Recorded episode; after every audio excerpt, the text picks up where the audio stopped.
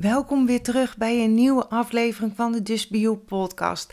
En vandaag wil ik het graag met je hebben over het belang van kwetsbaar durven zijn. Want in de gesprekken die ik de afgelopen weken heb gehad, kwam dit thema steeds weer naar voren. En dat heeft me geïnspireerd om deze uh, podcast uh, op te nemen. Weet dat deze podcast ook wordt uitgeschreven, dus ben jij meer van het lezen, dan kan je dat op, je, op de website, kan je deze podcast nalezen. Vaak hoor ik mensen zeggen, maar als ik kwetsbaar ben, dan ben ik zwak. Ik weet niet, ik ben eigenlijk wel benieuwd, heb jij die gedachte ook? Maar laten we even stilstaan bij die gedachte. Wat is er eigenlijk mis met kwetsbaar zijn? Waarom associëren we dat toch met zwakte? En ik herinner me een mooie video die ik jaren geleden heb gezien. En het was een uh, talentenjacht, de X-Factor volgens mij. Waarbij een man optrad die zijn vrouw had verloren tijdens de bevalling van hun dochtertje. Hij was ontzettend nerveus, maar hij wilde dit doen uh, voor zijn vrouw. Want zijn vrouw had altijd gezegd dat hij zich moest aanmelden. En tijdens zijn optreden zag ik bij een jurylid tranen over haar wangen rollen. En op dat moment besefte ik iets belangrijks. Ik had namelijk altijd gedacht dat huilen een teken van zwakte was. Maar hier zag ik zelf iemand die haar kwetsbaarheid toonde en ik vond het prachtig.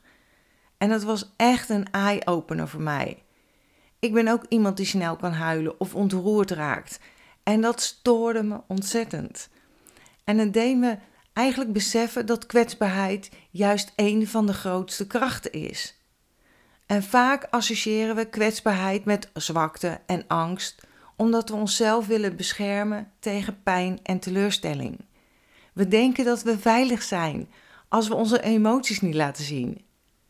Maar wat als ik je ga vertellen dat kwetsbaarheid durven zijn juist een bron van kracht is? En misschien vind je het als vrouw zijnde, zeg maar, ook lastig om je kwetsbaarheid te tonen. Want vaak, wij vrouwen hebben vaak hoge verwachtingen van onszelf. En voelen de druk om perfect te zijn. En perfect doe ik hier al tussen aanhalingstekens. En dit kan het moeilijk maken om onzekerheden en twijfels te uiten, omdat je bang bent om als zwak, onbekwaam of incompetent gezien te worden. We willen zo graag zelfverzekerd overkomen, zelfs als we worstelen met dingen in het leven. Maar laten we eerlijk zijn: niemand is perfect. En wat is perfect eigenlijk? En misschien herken je het ook wel dat je delen van angst vaak moeilijk vindt.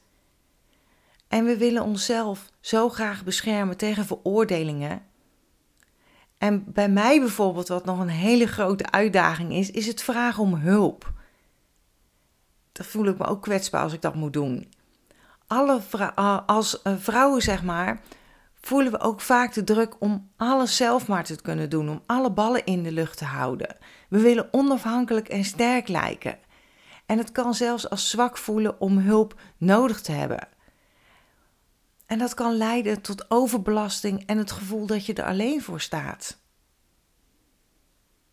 Maar nogmaals, kwetsbaarheid is geen teken van zwakte, maar juist iets moois. Misschien vind je het bij anderen zelfs mooi als ze hun kwetsbaarheid tonen of als ze het laten zien. Maar sla je jezelf voor je hoofd als je het zelf doet. En een goede vraag om aan jezelf te stellen: waarom is dat zo? En helemaal als hooggevoelig persoon ben ik, um, zeg maar, kwetsbaar of voel ik me kwetsbaar en snel geraakt. En kwetsbaarheid en hooggevoeligheid kunnen dan ook erg nauw met elkaar verbonden zijn, omdat ze beide ja, een diepere gevoeligheid en empathie voor de wereld laten zien. En het kan diepe emotionele ervaringen met zich meebrengen en verbindingen ook met anderen versterken. Maar het kan ook leiden tot overprikkeling. En het stellen van gezonde grenzen is daarbij zo ontzettend belangrijk. En bijvoorbeeld eh, een paar voorbeelden waarop kwetsbaarheid en hooggevoeligheid elkaar kunnen beïnvloeden. Dat is bijvoorbeeld diepe emotionele ervaringen. Hoge toppen, diepe dalen, zeg ik altijd. Hooggevoelige mensen ervaren emoties vaak intenser en diepgaander dan anderen. En dat was voor mij ook zo'n eye-opener toen ik voor het eerst ontdekte dat ik hooggevoelig was. Dat dit bij mijn hooggevoeligheid hoorde. Als HSP'er, oftewel hooggevoelig persoon, ben je gevoelig voor kleine dingen in je omgeving. En gelukkig kan ik zeggen dat mijn dalen niet meer zo diep zijn.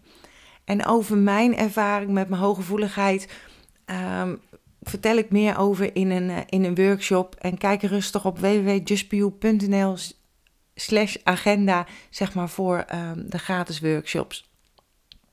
En op dit moment heb ik nog niks gepland staan, maar dat ga ik zeker weer doen. Um, waar hadden we het over? Oh ja, hooggevoeligheid en kwetsbaarheid. Dat ze elkaar kunnen beïnvloeden. Um, intuïtieve verbindingen. Hooggevoelige mensen hebben vaak een hele sterke intuïtie en zijn in staat om diepgaande verbindingen, connecties aan te gaan met anderen. Want je kan anderen gemakkelijk aanvoelen. En je hebt de natuurlijke neiging om empathie en begrip te tonen, mits je je natuurlijk veilig voelt. Hè? En overprikkeling en grenzen. Hooggevoelige mensen hebben ook de neiging om heel gemakkelijk overprikkeld te raken door intense emoties, prikkels en sociale interacties. En dit kan het soms best moeilijk maken om volledig kwetsbaar op te stellen, omdat je je wil beschermen tegen overweldiging. En het is zo belangrijk voor hooggevoelige mensen om gezonde grenzen te stellen en bewust te zijn van je eigen behoeften. En vooral bij het delen van kwetsbaarheid. En dan heb je nog selfcare en me-time. Hooggevoelige mensen hebben vaak behoefte aan extra tijd voor zelfzorg en herstel na intense gesprekken, ervaringen of het delen van kwetsbaarheid. En als je bent zo ik, dan, zoals ik, dan heb je meer rust en stilte nodig om de energiebalans te herstellen. En het is belangrijk om jezelf de ruimte te geven om bij te komen en weer op te laden na het delen van kwetsbaarheid.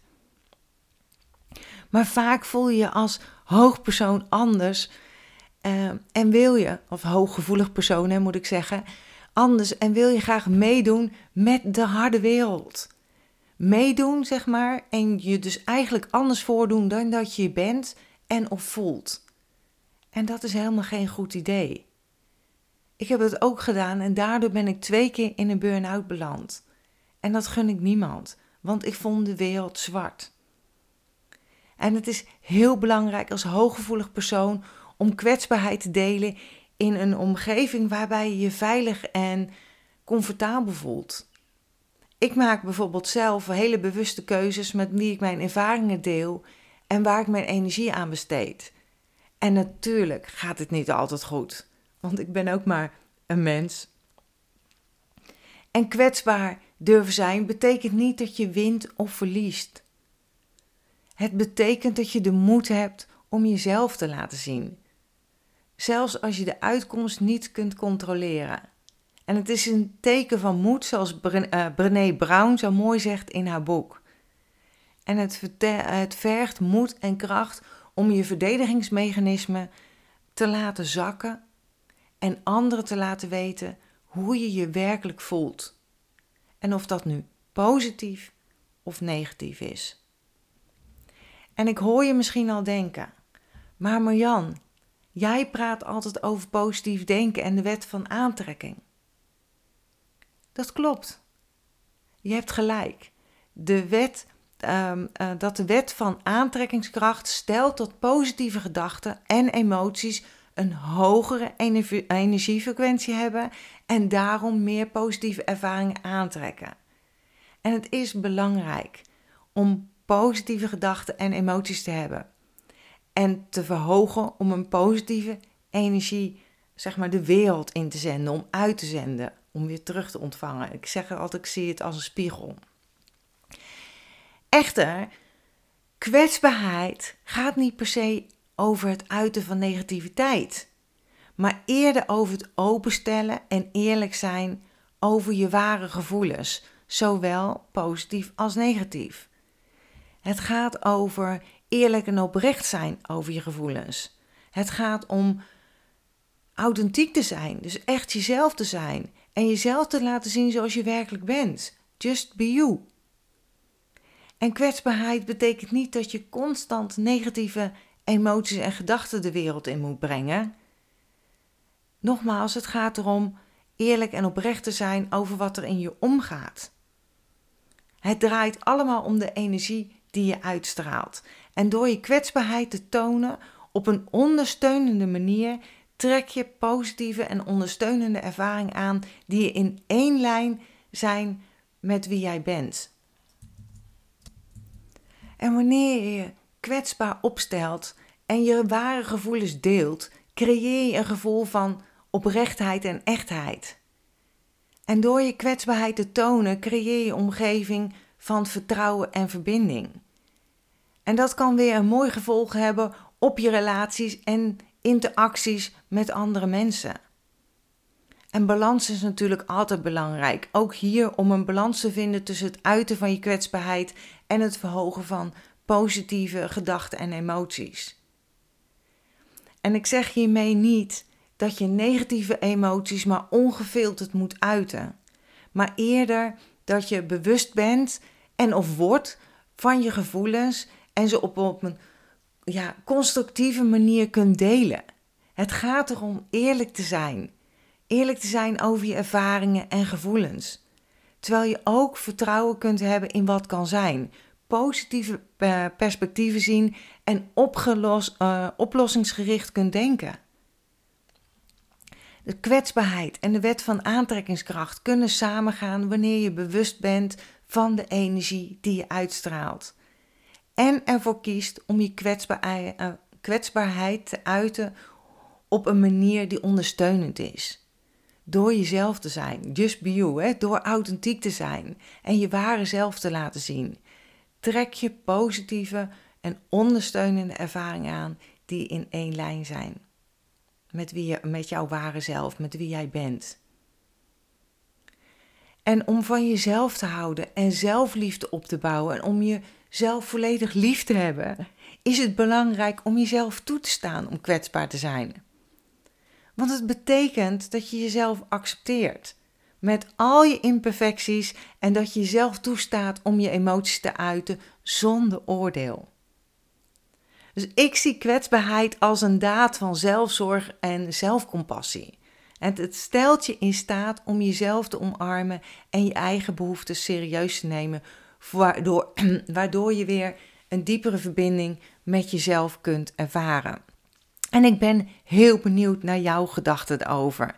Laat het me gerust weten door een reactie achter te laten onder de YouTube-video, podcast. Als je het via YouTube luistert, uh, doe een duimpje omhoog. Uh, abonneer je op mijn kanaal. Um, ik waardeer het enorm. En via iTunes zou ik het echt heel fijn vinden. Uh, als je het zou willen, natuurlijk. Doe altijd wat goed voelt om een review te schrijven sluit ik heel graag af met mijn slogan: accepteer dat wat er is, laat los wat is geweest, geniet, geniet, geniet en heb vertrouwen in wat kan zijn. En heb je nog vragen? Kan ik nog iets voor je betekenen? Laat het me gerust weten. En uh, ja, tot snel weer bij een nieuwe podcast. Hè? Doei doeg!